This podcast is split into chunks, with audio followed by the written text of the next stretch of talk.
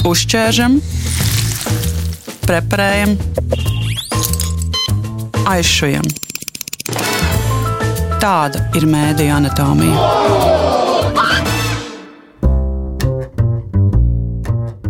Šoreiz mēdīju anatomijā runāsim par pētījumu, kurā izvērtēts sabiedrisko mēdīju, televīzijas un radiožurnālistu darbs. Studijā Zane Ozoliņa. Līdz šim katru gadu tika veikts sabiedriskā labuma pētījums, noskaidrojot sabiedrības vērtējumu par Latvijas radio un Latvijas televīziju. Šoruden pirmo reizi veikts papildus pētījums, kurā dažādu jomu eksperti vērtē žurnālistu darbu stipros un vājos punktus. Viens no pētījuma autoriem, Andris Saulīts, norāda, ka gan fokus grupās, gan plašākos pētījumos redzams, ka aptuveni ceturtā daļa dažādu iemeslu dēļ sabiedriskajiem mēdījiem neusticas. Bet tātad šajā pētījumā ir, kā tu minēji, daži, eh, kas mums ir pieejami mediju un mediju pratības eksperti, bet ir arī profesionāļi dažādās jomās. Eh, - kultūra, ekonomika, uzņēmējdarbība, vēl vairāk kā veselība, veselība. un tam līdzīgi. Mums bija kopumā tādi trīs tematiskie virzieni. Pirmais ir sabiedrību demokrātija, kur ir mēdīja eksperti lielākoties, politologi, mēdīja ētika un, un nevalstiskais sektors, kas pārstāv pilsonisko sabiedrību. Tad uh, radošums un zināšanas, kur bija mikslis no visām, sākot no veselības, uzņēmējdarbības tam līdzīgi, gan uh, universitāšu mācību spēki, gan arī dzen, uh, vides uh, nevalstiskās organizācijas. Un trešā ir, kas ir kultūra būtībā, kas ir uh, kultūras iestāžu darbinieki, bet ne valsts kultūras iestāžu darbinieki. Mēs apzināti izvairījāmies no valsts kultūras iestādēm un uh, vairāk skatījāmies, uh, arī dzen, uh, meklējām arī tādus, kuriem ir pieredze kultūras žurnālistikā, bet tie, kas šobrīd arī nestrādā komercmedijos un kuri nav pēdējā laikā arī veidojuši saturu uh, sabiedriskiem mēdījiem, lai viņi būtu objektīvi. Tātad cilvēkiem tika dots skaidrs uzdevums, konkrēti raidījumi, kas jāklausās un mhm. jāskatās mēneša garumā. Kādi ir tevi iegūtie dati un galvenie secinājumi par to, Jā, kā jau es teicu, tie viedokļi ir ļoti skaidri par to, kas ir labs un par to, kas ir uzlabojams. Ir ļoti viena laba lieta, kas sabiedriskajos mēdījos šobrīd ir ļoti plaši pārstāvēta, tie ir cilvēku stāsti. Mēs ļoti daudz varam uzzināt par līdzcilvēkiem, par viņu veiksmēm, neveiksmēm, pieredzēm, nebūšanām un dzīvesveidu. Bet uh, tas, kas sabiedriskajos mēdījos uh, paliek ēnā, ir uh, šo stāstu un arī vispār visa satura kontekstualizācija, tā izpratne par lielākām, kur šis stāsts, tā teikt, kā viņš ir saistīts ar, ar mums, ar, ar, ar plašāku sabiedrību. Kā viens no, no ekspertiem izteicās, nu, ka tie cilvēku stāsti nedaudz peld tādā kosmosā un izplatījumā. Viņi nav piesieti pie konkrētās vietas. Un te, protams, ir runa bieži vien par to, ka ir jāpieprasa no žurnālistas, lai tas notiktu, ka tev nav tikai šie stāsti, kuri beidzas ar neko, bet līdzīgi kā tas redzams, kā tā žurnālistika ir attīstījusies arī citu valstu mēdījos, nu, protams, šie eksperti bieži vien arī lasa Financial Times, New York Times, viņi saka, ka tur arī ir daudz cilvēku stāstu, un bieži vien raksta sāks ar šo cilvēku stāstu, bet ja otrā rindkopā ir uh, skaidrots, kur tad ir tā problēma. Nu, kā, kā vienu, es teiksim, to piemēru varu minēt, mums ir arī daudz uh, pozitīvu, un tas nav nekas slikts, pozitīvu uh, stāstu par uh, medicīnas sasniegumiem, par to, ka ir, ir, ir izoperēts kārtējais milzu audzējs. Ja? Bet šis stāsts tiek veidots uh, no tās pozitīvās, uh, tas rāmējums ir, ka, ka mums ir atkal mediķi sasnieguši brīnumu. Un, un tad, tad, tad beigās ir pieminēts, ka principā jau nevajadzēja līdz tam nodzīvoties. Bet tev ir iespēja to visu patiesībā ar to visu brīnumu, ka beigu beigās jau viss bija labi, sākt otrādāk par to, ka patiesībā nu, kā, kā mēs nonācām līdz tām situācijām, ka mums uh, ir, uh, ir uh, tik daudz onkoloģisko saslimšanu, kas stāsta nav tikai par rindām, bet ir stāsts arī par mūsu dzīvesveidu. Un, un tā ir tā otrā lieta, ko, ko eksperti min. Nu, cik daudz mēs prasām no valsts šo atbildību, un cik daudz mēs pieprasām no līdzcilvēkiem un no pašiem, no, no sevis paša.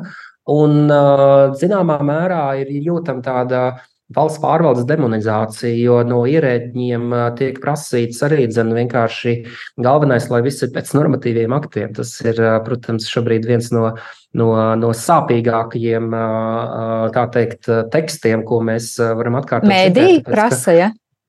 Mēdī atsaucas nu, tas ir tas, ar ko, ko mēdī apstājās pie valsts amatpersonām. Kaut gan bieži vien man šķiet, ka uh, ir iespējams arī pajautāt tā, bet jūs pats uzskatāt, ka tā situācija ir tā korekta vai kaut ko nevajadzētu mainīt. Un trešā lieta ir arī dzen, saistīta ar to iepriekšējo, ka sabiedriskajos mēdījos ir ārkārtīga augsta paļaušanās un uzticēšanās uh, autoritātēm. Uh, te ir runa par to, kā mēs iesaistām ekspertu satura veidošanā bieži vien uh, sabiedriskos mēdījos ir, ir, un ne tikai sabiedriskos, es domāju, ka tā ir arī plašāks tās, bet sabiedriskiem mēdījiem ir jābūt tas, kurš būtībā to tirgu saukšu sliktu vārdu deformē, bet viņš to dara labā nozīmē, tāpēc ka tas arī ir sabiedriskā mēdīja uzdevums, kāpēc viņam ir tiesības eksistēt mēdīju tirgu, kas būtībā varētu būt arī privāts, bet sabiedriskiem mēdījiem, to mēs redzam Amerikā, bet tas uzdevums ir tas sabiedriskais labums, kas tas ir. Tas ir, ka tu deformē zināmas lietas, lai kaut kas mainītos un lai tas neaizietu viss pilnīgi greizi.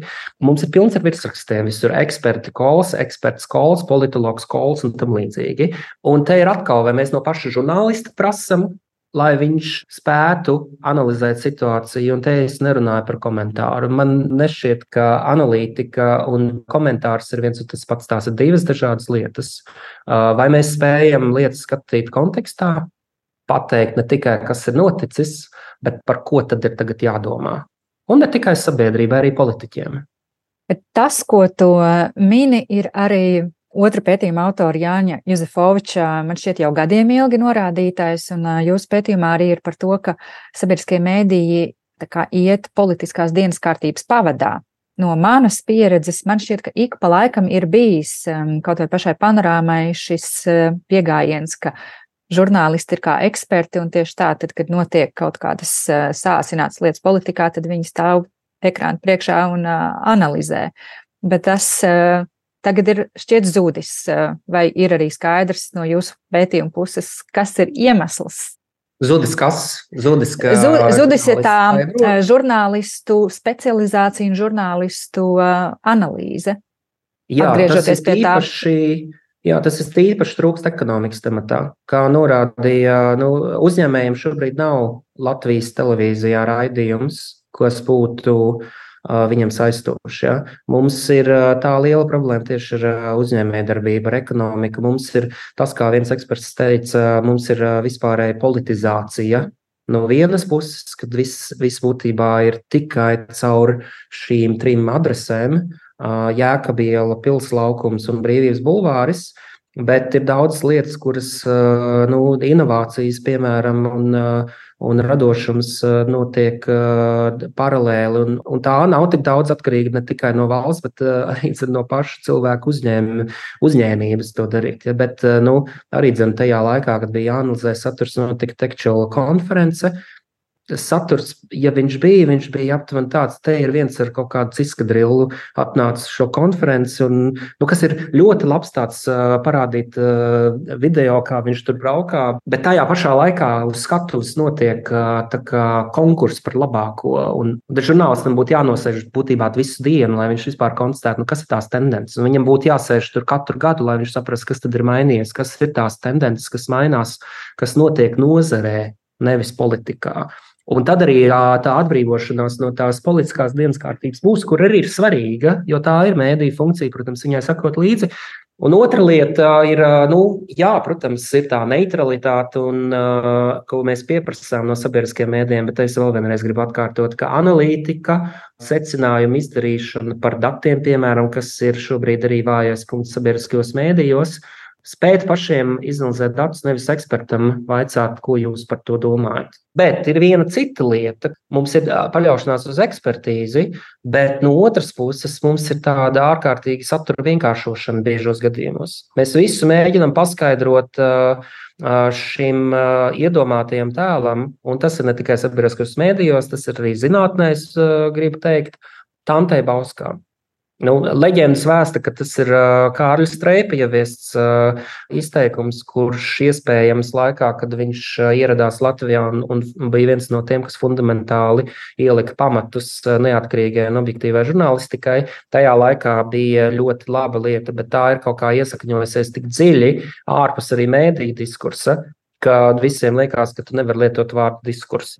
Kaut kā man šķiet, ka sabiedriskajiem mēdījiem ir bail radīt saturu, kurš būtu tad nevis Tantē Bauskā, bet ja mēs nevaram atbrīvoties no šīm metaforām, bet uh, Vārim un Aģeždai Liepājā. Un man liekas, ka ir jāvirzās uz auditoriju, kura ir jau uh, ar augstāku pratības līmeni, ko man, man eksperti arī zina pauda, nu, ka ja tu dzirdi, ka tas līmenis ir samāks, tad tu negribi uz viņu laisties lejā.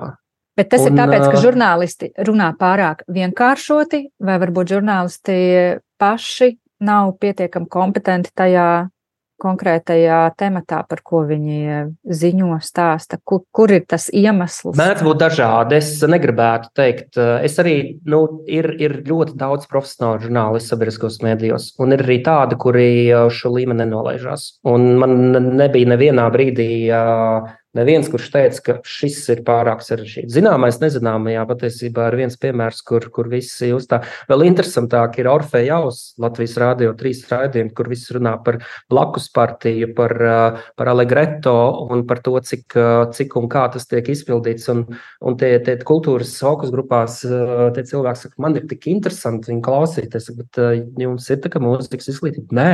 Bet, bet man, man, man liekas, tas tik uh, saistoši. Tas nozīmē, ka tu vari atrast formātu, tu vari atrast, kā ieinteresēt cilvēkus.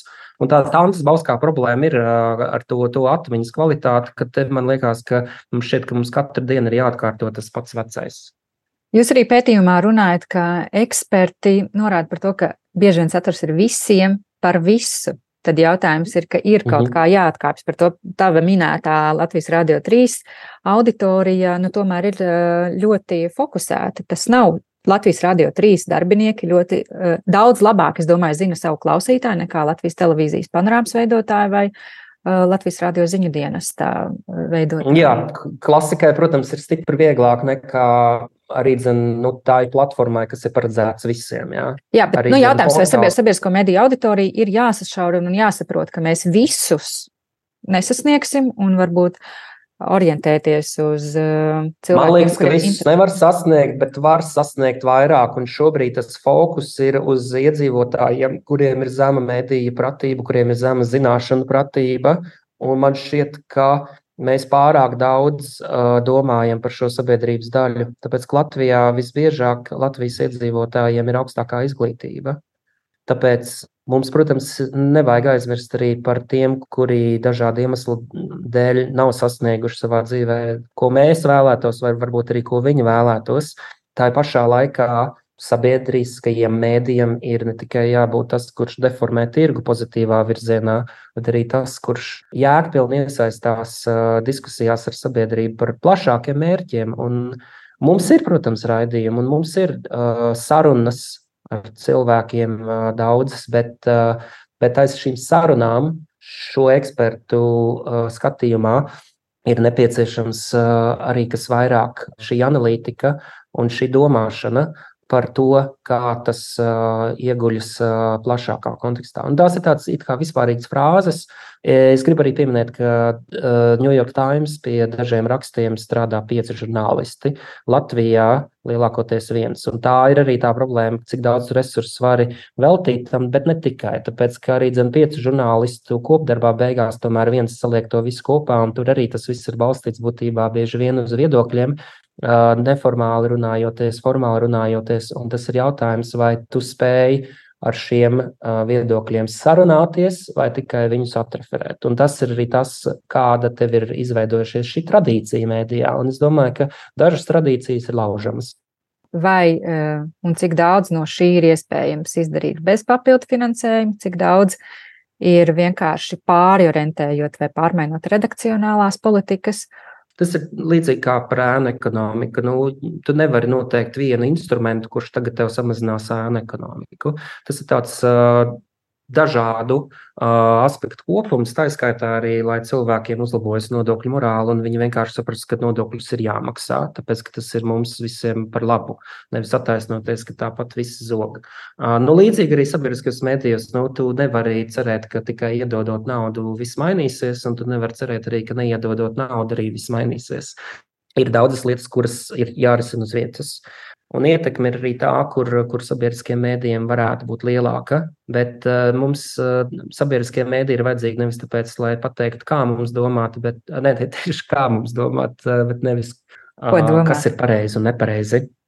Ne, ko domāt, arī jāsaka, par ko, par ko es teiktu, bet uh, ko domāt, jā, nav tas īstais. Jo es saku, nu, mēs redzam Latvijā, piemēram, par klimatu pārmaiņām. Katrs piektais Latvijas iedzīvotājs uzskata, ka tā ir būtiska problēma, bet Eiropā tie ir te 50% mājā veikt aptauju. Un, nu, tad, kas ir sabiedriskā mēdīja uzdevums to pieņemt? Būtībā arī ar to rēķināties, un tad raidījums, kā labāk dzīvot, mums ir par to, ka tās nav svarīgas lietas, bet par mazdārziņiem un tam līdzīgi. Vai arī būtībā mēs saprotam, ka šeit ir problēma. Un, un, protams, tā ir tā milzīgā disonance. Ir brīnišķīgs uh, rudens, ir tik uh, patīkams silts uh, līdz pat septembra vidum, bet uh, tas ir uh, tāda ilūzija, ka ar mums jau viss būs kārtībā. Un es vēlos, lai sabiedriskie mēdīji man, uh, man atgādina regulāri, ka nekas jau sen nav kārtībā. Pavisam īsi tavā pētījumā ir arī par to, ka īsi eksperti novērtē uh, reportāžu no Ukrainas, nosakot, ka tas ir vienpusējas, bet tajā pašā laikā sakot, ah, nē, tas viss ir ok, kara žurnālistikai tāda ir, ir jābūt. Jā, nu, tas ir specifisks gadījums par kara žurnālistiku. Un te mēs redzam, ka sabiedriskie mēdīji spēj veidot redakcionālo politiku. Redakcijas vienojušās par vadlīnijām, kā notiek tā lieta. Un tas, ko es pamanīju, arī zem, sakojot līdz mēnesim saturam, ka ka neviena Krievijas amatpersona neparādās panorāmā. Te netiek dots vārds nec Putinam, nec Prigožinam, nevienam. Un es nesaskatu šajā brīdī to kā problēmu. Un es cienu šo redakcionālo izvēli. Protams, katrā gadījumā ir, ir, ir tiešām jāskatās, kurā brīdī tas ir uh, attaisnojami un kurā brīdī tas vairo sabiedrisko labumu, bet manuprāt, ka šajā gadījumā tiešām nu, kara nosiedzniekiem nevajag dot vārdu ēterā, un tas ir tikai loģiski. Un man šķiet, ka šeit nav iespējams būt neitrāliem. Un tas ir arī tas apliecinājums par to, ka sabiedriskais mēdījis tajā brīdī, bieži vien, kad viņš cenšas būt neitrāls, tā, tā redakcionālā politika izveidojās pati no sevis. Un te ir nu, tas piemērs par sadalījuma tīklu tarifiem. Ja, ja mēs nu, skatāmies sadalījuma tīklu to un arī dzene uzņēmēju viedokli, tad būtībā saka, viņš beidzot ir taisnīgs. Bet sabiedriskajos mēdījos neviena energoietilpīga uzņēmuma viedoklis neesmu dzirdējis. Un, uh, man ir jautājums, vai sabiedriskais mēdījis ir par mājasaimniecībām, vai viņi ir par konkurētspējīgu ekonomiku, Un, ja viņi saka, ka viņi ir neitrāli, tad beigās, veidojot tās visas ziņas un, un nepaskatoties plašāk un ne, neejot tādā redakcionālās politikas uh, saskaņā, tev viņa pat izveidojas, ka būtībā sabiedriskie mēdīši šobrīd ir par mājasaimniecībām. Nu, vai tas ir pareizi vai nepareizi? Man īstenībā tas mazāk interesē. Man interesē, vai es zinu, ka sabiedriskie mēdīji ir par vienu vai par otru, vai tas vienkārši sporādiski izveidojas.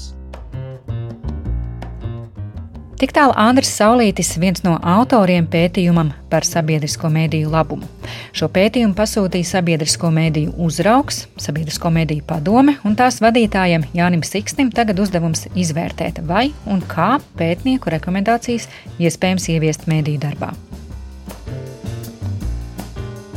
Pirms mēs sākam, es gribēju atgādināt um, tādu vienu spilgtu citātu no intervijas Latvijas televīzijā, kur bija uzaicināts režisors un JRT mākslinieckais vadītājs Alvis Harmanis, kurš jau pašā intervijas sākumā tā ļoti kritiski un pat uh, nicīgi izteicās par sabiedrisko mēdīju darbu. Jūs tomēr baigi kurināt par to diezgan tā bez kautrēšanās par valdošām partijām, un ka jūs tā izliekties, ka jūs esat sabiedriskais mēdījis. Un, ka jūs drusku izlikties, ka jūs esat objektīvs žurnālists. Un tā vispār tas ir diezgan uzkrītoši. Jums tā neliekas? Bet kā ar tevi? Ja, jo šis ir tāds viedoklis, kas izskan ne tikai no Harmaņa mutes, bet ik pa laikam gan uh, sociālajos mēdījos, gan ik pa laikam kāda politiķa saka, kas ir tas, ko tu vari atbildēt. Es varu teikt tikai vienu, ka dati rāda, apliecina pretējo. Latvijā ir ļoti augsta vai vismaz augstāka par vidējo Eiropas līmenī uzticība sabiedriskiem mēdījiem. Un, manuprāt, tā ir ļoti, ļoti svarīga lieta. Ne visur tas tā ir noticis, un to mēs redzam arī šobrīd dažās Eiropas Savienības valstīs. To mēs esam redzējuši arī citās bijušajās Padomju Savienības republikās, kuras it kā no vienas puses, kā valdības, kā valstis, nostājās uz demokrātiskā, uz rietumnieciskā ceļa, bet nesakārto nu, virkni lietu, tā skaitā sabiedriskos mēdījus, ja mēs tieši runājam par sabiedriskiem mēdījiem. Un tur var redzēt, ka tur tiešām nav sabiedrības uzticības, ka tas nu, valstī piedarošais mēdījis, teiksim tā, ka viņš arī tiek diezgan brīvi izmantots visās tajās brīdīs, brīžos, kad mainās vara. Tad, attiecīgi, pie varas nonākušie to tiešām izmanto kā ruporu. Latvijā tas tā tiešām nekad nav bijis. Manuprāt, tas ir viens no mūsu lielākajiem resursiem, ko nedod Dievs, mēs kādreiz zaudēsim. Ka, manuprāt, kā atmodas laikā Latvijas rādio un Latvijas televīzija paņēma to tautas uzticības karogu un vispār to, ka viņi strādā Eh, tautas un, un iedzīvotāju sabiedrības vārdā, tā arī, paldies Dievam, tas karoks nekad nav ticis nolaists. Un tā, manuprāt, ir ļoti augsta apziņa pašu žurnālistu nu, vidū.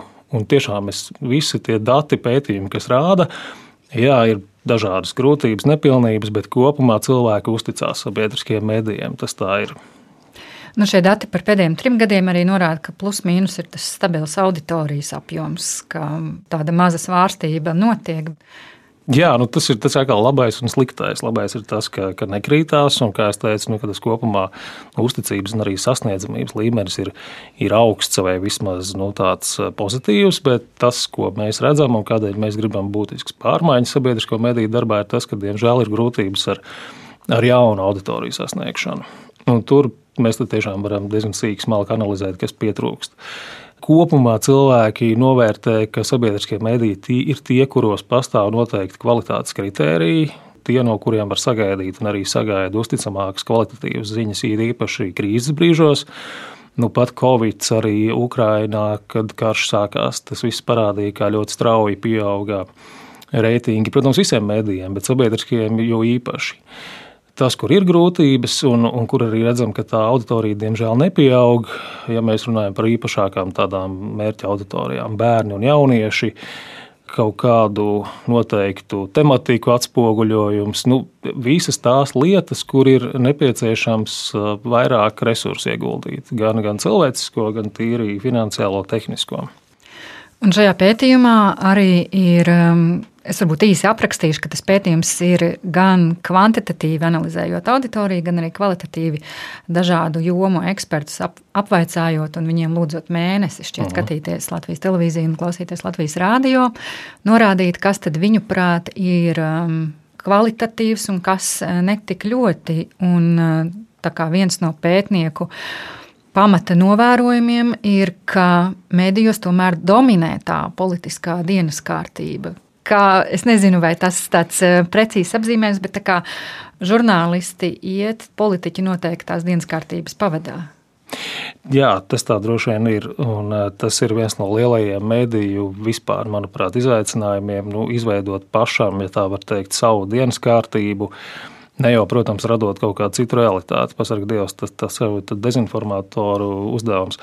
Bet parādīt, ka medijas seko lietām līdzi pēc būtības, skatās to, kā mainās vai nemainās cilvēku dzīve, un attiecīgi tādēļ izšķirs stāstīt par vienu vai otru notikumu, intervēt tos vai citus cilvēkus.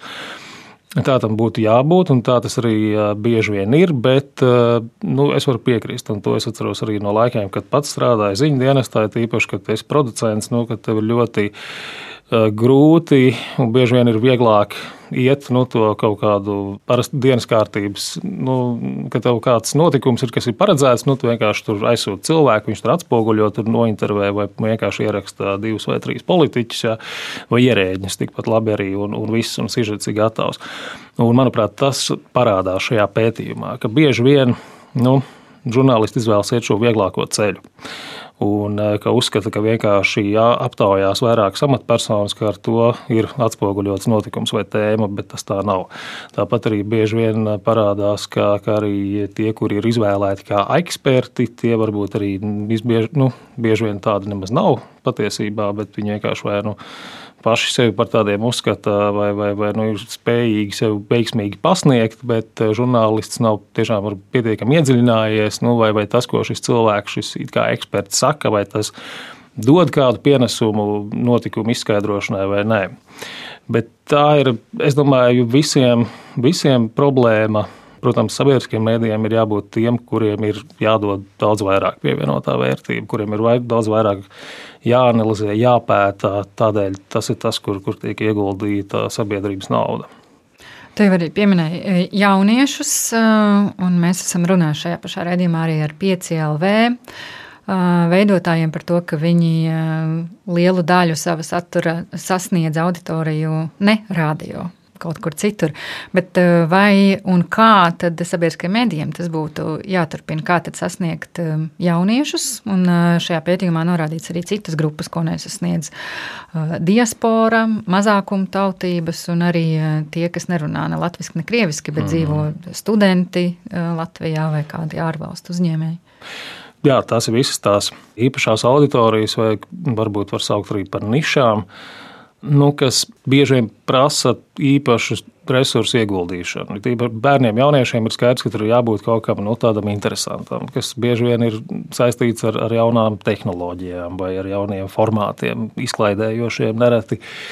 Un tas ir grūtākais uzdevums. Un, un, un, un Tādēļ jau mēs arī pamatojam, kāpēc ir nepieciešams sabiedriskiem mēdījiem vairāk finansējuma tas, ko mēs šobrīd jau varam darīt, un, un to mēs arī no padomas, kā uzdevumu esam arī uzstādījuši sabiedriskiem mēdījiem, turpmāk veicināt žurnālistu, nu, mēs to nodēvējam par žurnālistu specializāciju, kas, manuprāt, pēdējos gados ir stipri gājusi mazumā. Atkal tas ir visiem mēdījiem raksturīgs, nav jau tikai sabiedriskajiem, bet sabiedriskajiem mēdījiem to vajadzētu pēc iespējas uzturēt. Proti, Nu, kādreiz bija tā, ka katrā ziņu dienestā tur bija viens cilvēks, kurš bija saucamais ekonomists, kurš sekoja līdzi tam, kas notiek biznesā un ekonomikā.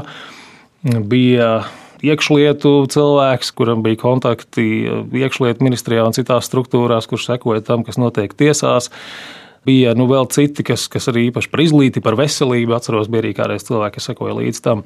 Un tad tie arī bija tie eksperti, kuri tiešām zināja, kas notiek, kuri paši varēja, nesakojot līdzi ziņu aģentūras uh, dienas kārtībai, pateikt, šobrīd notiek tas, vai sekojam līdz tam, jo tajā brīdī būs kaut kas. Un, uh, un tas ir nu, pazudis vai ļoti gājis mazumā. Jo, uh, tas ritms ir nu, pieprasījis to, ka šobrīd no, no žurnālistiem tiek gaidīts, nu, ka viņi noseks praktiski visus tematus. Un nav īsti normāli, ka tas, kurš kur mēs esam pieraduši, ka viņš lielākoties teiksim, ziņo no, no ministra kabineta un sājumas, ka viņš pēkšņi nu, tur kaut kādā piekdienā vai sestdienā, svētdienā ziņo no zooloģiskā dārza kaut ko vai, vai kaut ko tamlīdzīgu. Nu, to, manuprāt, mediji var darīt jau tagad bez īpašas papildus naudas, bet, bet tā ļoti, ļoti pietrūkst. Un to redz gan šajā pētījumā, gan, gan mēs esam redzējuši arī ar citiem nu, cilvēkiem, kas pārstāv kādas īpašas nozares, ka, nu, jā, ka pietrūkst kārtīgi raidījumu vai, vai, vai vienkārši satura par ekonomiku, par biznesu, par, par jaunajām tehnoloģijām. Ir tādi mēģinājumi to darīt, protams, kaut kas tiek darīts, bet, bet nepietiekami. Bet papildinot arī par to par ekonomiku, eksperti norāda, ka arī uzņēmēji fragmentāri tiek pieminēti vispār eh, saturā. Un otrs ir, ka tie skatītāji, klausītāji tiek uzrunāti tā, it kā viņi būtu maz izglītoti, ka viņiem jāpastāsta kaut kas ļoti vienkārši. Vai tu tam piekrīti? Es, es piekrītu. Ne, ir droši vien situācijas, kad tiešām ziņas vieglajā valodā saucamajā ir vajadzīgas, ka izstāstīt tā, tā vienkārši, kas ir kas, bet, bet kopumā ir, jā, nu, sabiedriskiem mēdiem viens no uzdevumiem arī ir, ir, ir nu, audzināt jā, to savu auditoriju, uzturēt tādā pietiekami augstā zināšanu līmenī un, attiecīgi, tā arī sarunāties, jo, jo, jo citādi jau tu neveicinās kopējo, kopīgo zināšanu līmeni. Par tiem uzņēmēju nosaukumiem ir interesanti tas, ka Šī problēma tagad ir kļuvusi aktuāla pēc tam, kad uh, sabiedriskais mēdījis izgāja no reklāmas tirgus. Tad ir bieži vien nu, tā, tāda bija vismaz sākotnēji bažas, kā būs, ja es tagad stāstīšu par kādu konkrētu uzņēmumu, vai mani neapsūdzēs, ka es uh, veicinu slēpto reklāmu vai kaut ko tamlīdzīgu. Un, un, un, Bet to mēs arī skaidrojam, ka nē, protams, nē, ka ja, ja, ja žurnālists, producents pamato un izstāsta, kāpēc mēs šobrīd stāstām par vienu uzņēmumu, jo tas ir kaut kādas noteiktas nozares flagmanis, piemēram, un no viņa gaitām vai neveiksmēm mēs varam saprast, kas, kas vispār ekonomikā kopumā ir gaidāms. Ja to tā visu izskaidro un pasniedz šajā kontekstā, tad neviens tev nevar pārmest nekādas slēptās reklāmas vai tam līdzīgi.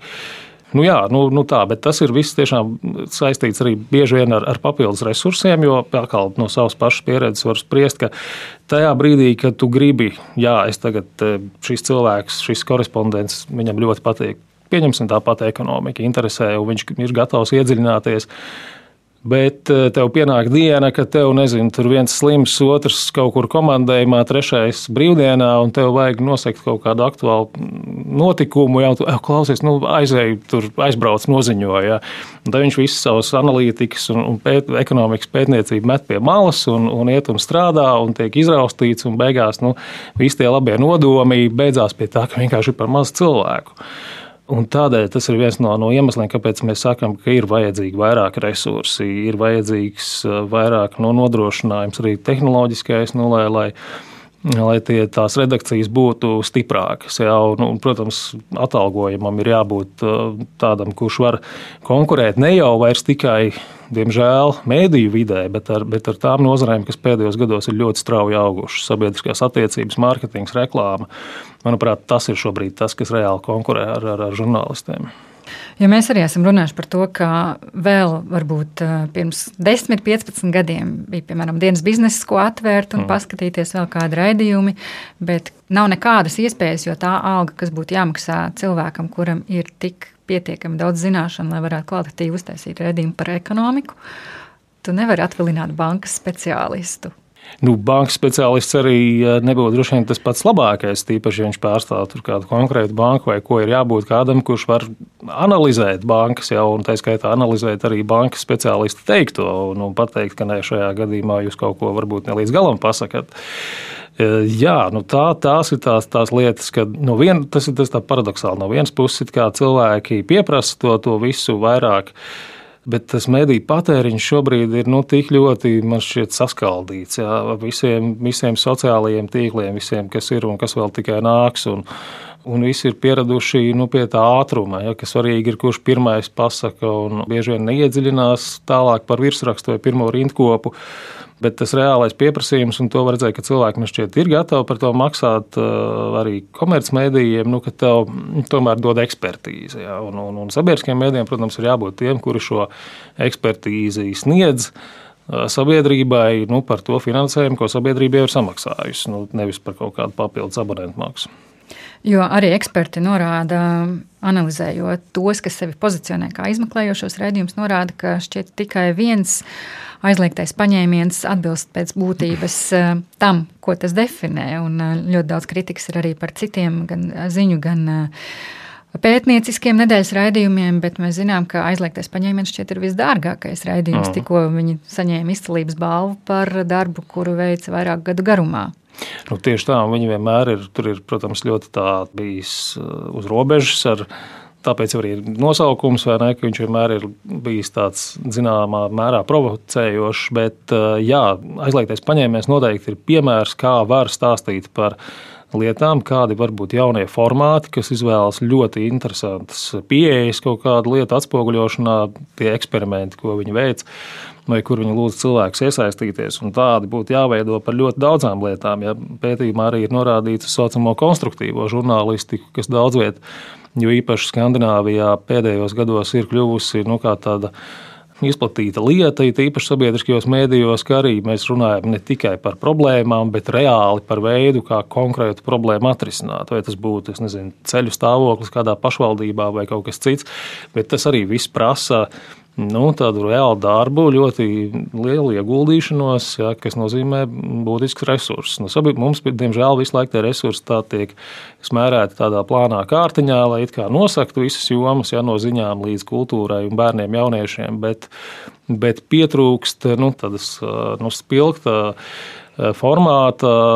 Ir tāda, ir, protams, aizliegtais paņēmiens ir viens no tiem, bet tāda ir par maz. Un, un, un, un, un it īpaši jau jau jā, tādiem bērniem, jauniešiem un citur nu, pietrūkst tādas spilgtu lietas. Nu, šķiet, ka dod pieci ir arī viens no formātiem, kur tika atrasts jā, tāds labs veids, kā tu vari caur būtībā izklaidi, varētu teikt, runāt par ļoti svarīgiem jautājumiem, bet tas arī prasa lielu naudu, lai to varētu realizēt jā, ar visu stikla būdiņu un, un visu, kas tur tam apkārt. Jā. Bet eksperti arī norāda, ka ir jāmainās sabiedriskajiem mēdījiem no tā, ka visiem par visu, jo tu nevari mm. visiem stāstīt un eh, vienu saturu piedāvāt. Varbūt, ka ja ir tādi ierobežoti līdzekļi, vēl kaut kā sašaurināt un saprast, ka visus. Jautājums, jā, vai sabiedriskajiem mēdījiem tiešām ir jāaptver pilnīgi eh, visa iespējamā auditorija Latvijā, vai jāmēģina tas darīt, vai tomēr ir jāsaprot, ka ir kaut kādi segmenti, ko nu, nemūžam mēs neaizsniegsim. Nu, droši vien kaut kas jau vienmēr paliks tāds, ko neaizsniedz, bet tādam vajadzētu būt ļoti maz, nu, mazam segmentam. Jautājums ir, kā to var arī, ka ir tā, nu, tā multiplatforma pieeja. Tā ir ļoti svarīga. Ka ir viena auditorijas daļa, ko tu joprojām sasniedz caur parasto radio, caur parasto televīziju, bet tiklīdz uh, iet uh, pa šīm dažādajām auditorijām, vai bērnu un jauniešu, vai vai arī mazākuma tautības, vai, es nezinu, nu, piemēram, Latgalē ar visām savām daudzveidīgajiem jautājumiem tematikām. Tur ir ļoti mērķēti jāskatās, vai tas tiek iespējams sasniegts daudz labāk caur internetu. Arī, protams, internetā ir milzīgi daudz dažādu iespēju, kā to darīt. Kurš kuram patīk vairāk podkāsti, kuram kaut ko skatīties YouTube, kuram tas ir kaut kāda nezinu, digitāla spēle, ja viņš caur to iepazīst, uzzina kaut ko. Nu, tā ir tā, tā lielā sviestmaize, kas sastāv no milzīgi daudz kārtām, un sabiedriskajām principā ir katra tā kārta ir, ir jāizpild. Un, man liekas, šobrīd ir vienkārši briesmīgi, ka, ka Latvijas televīzija nu, jau labu laiku, manuprāt, nu, nevar pati savu oriģinālu seriālu izveidot, kas ir nu, tiešām traki. Nu, tā ir ļoti būtiska lieta. Jā, to var saukt par izklaidi, un tā arī ir izklaide. Bet tas arī ir veids, kā tu piesaistīja cilvēku sabiedriskajiem mēdījiem. Protams, ka tas nevar būt kaut kas pilnīgi muļķīgs, un, un tur tāds hihihaha, tam ir jābūt ar kaut kādu iekšā jēgu, bet, bet nu, tā ir izklaide.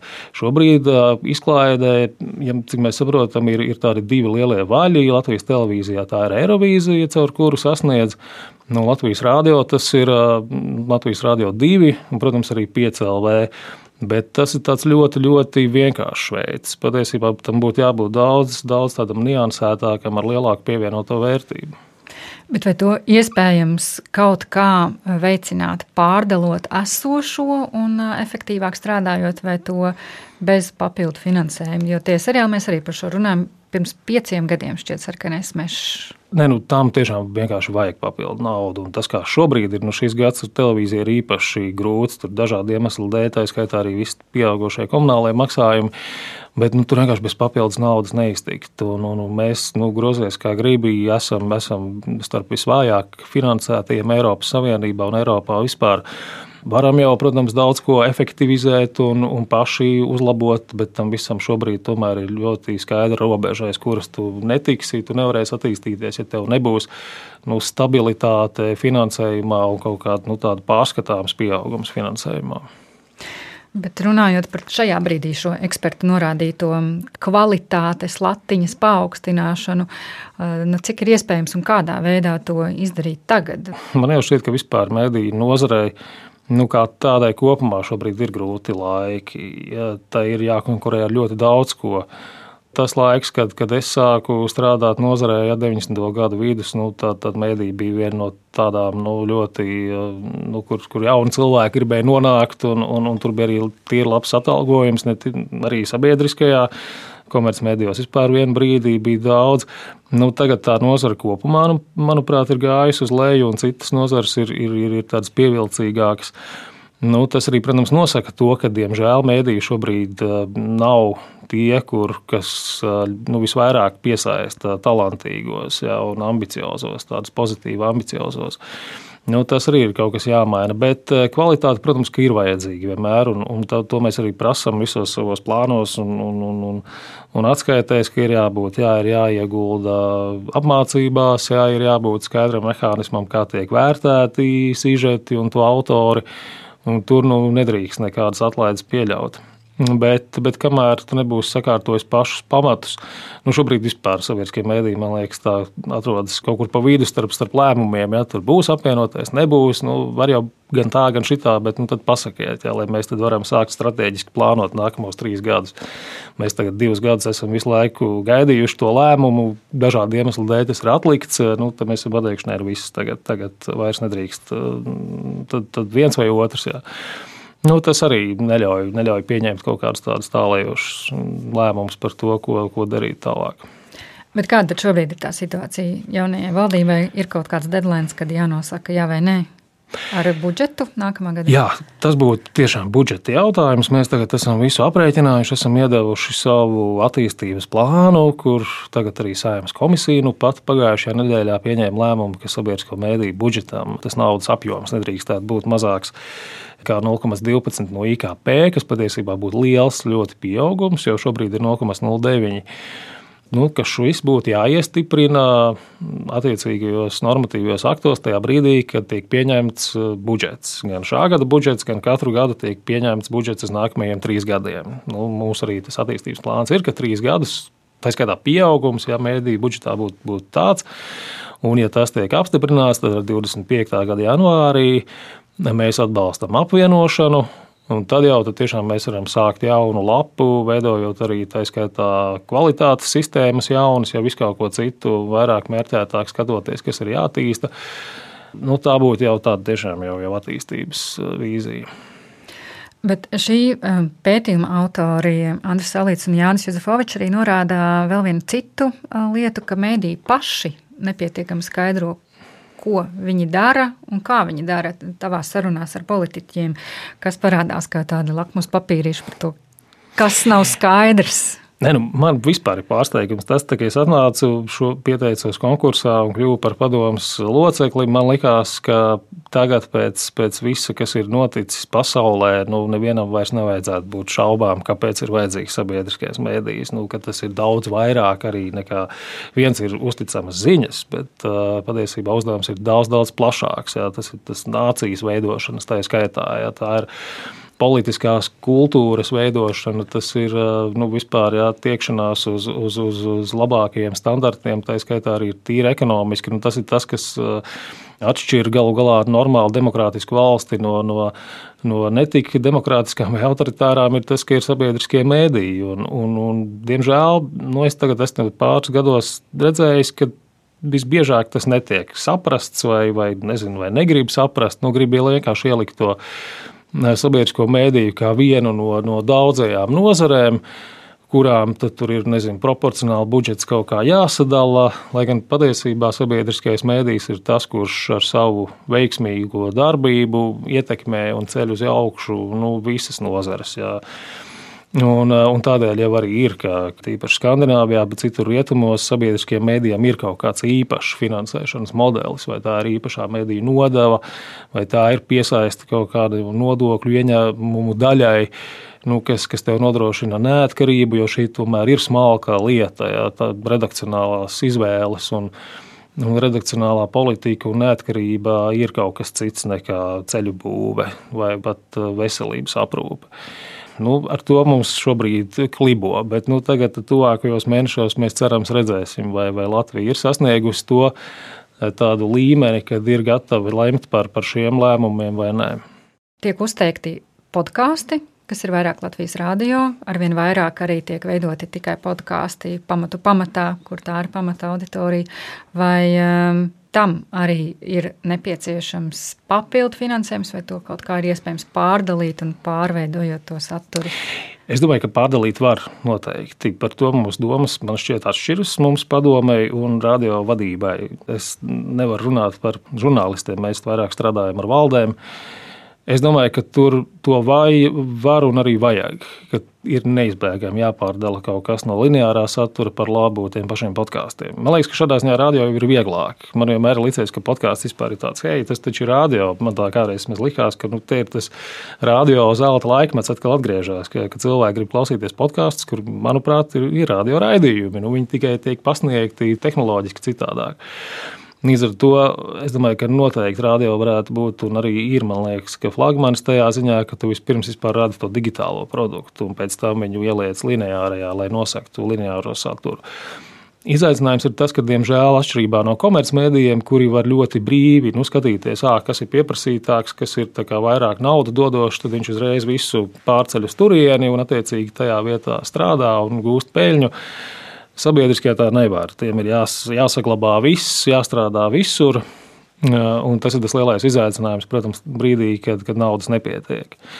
Bet tas ir arī uzstādījums no mūsu puses, ka vienalga, vai tev ir papildu finansējums vai nav, tomēr ir jāiet uz to, ka, ka lielāks uzsvars ir jāliek uz digitālo saturu, uz to, ko cilvēki patērē internetā. Un to var darīt jau tagad. Mediju anatomijā iztirzājām pētījumu par sabiedrisko mediju, sabiedrisko labumu un to satura stiprajiem un vājajiem punktiem sarunā ar sabiedrisko mediju padomus vadītāju Jāni Siksni un ar vienu no pētījuma autoriem Andri Saulīti. Raidījumu veidoja Zāne Ozoliņa, Nora Mitspapa un Reinis Budze. Uzķēršam, preparējam, aizšujam. Tāda ir mēdija anatomija.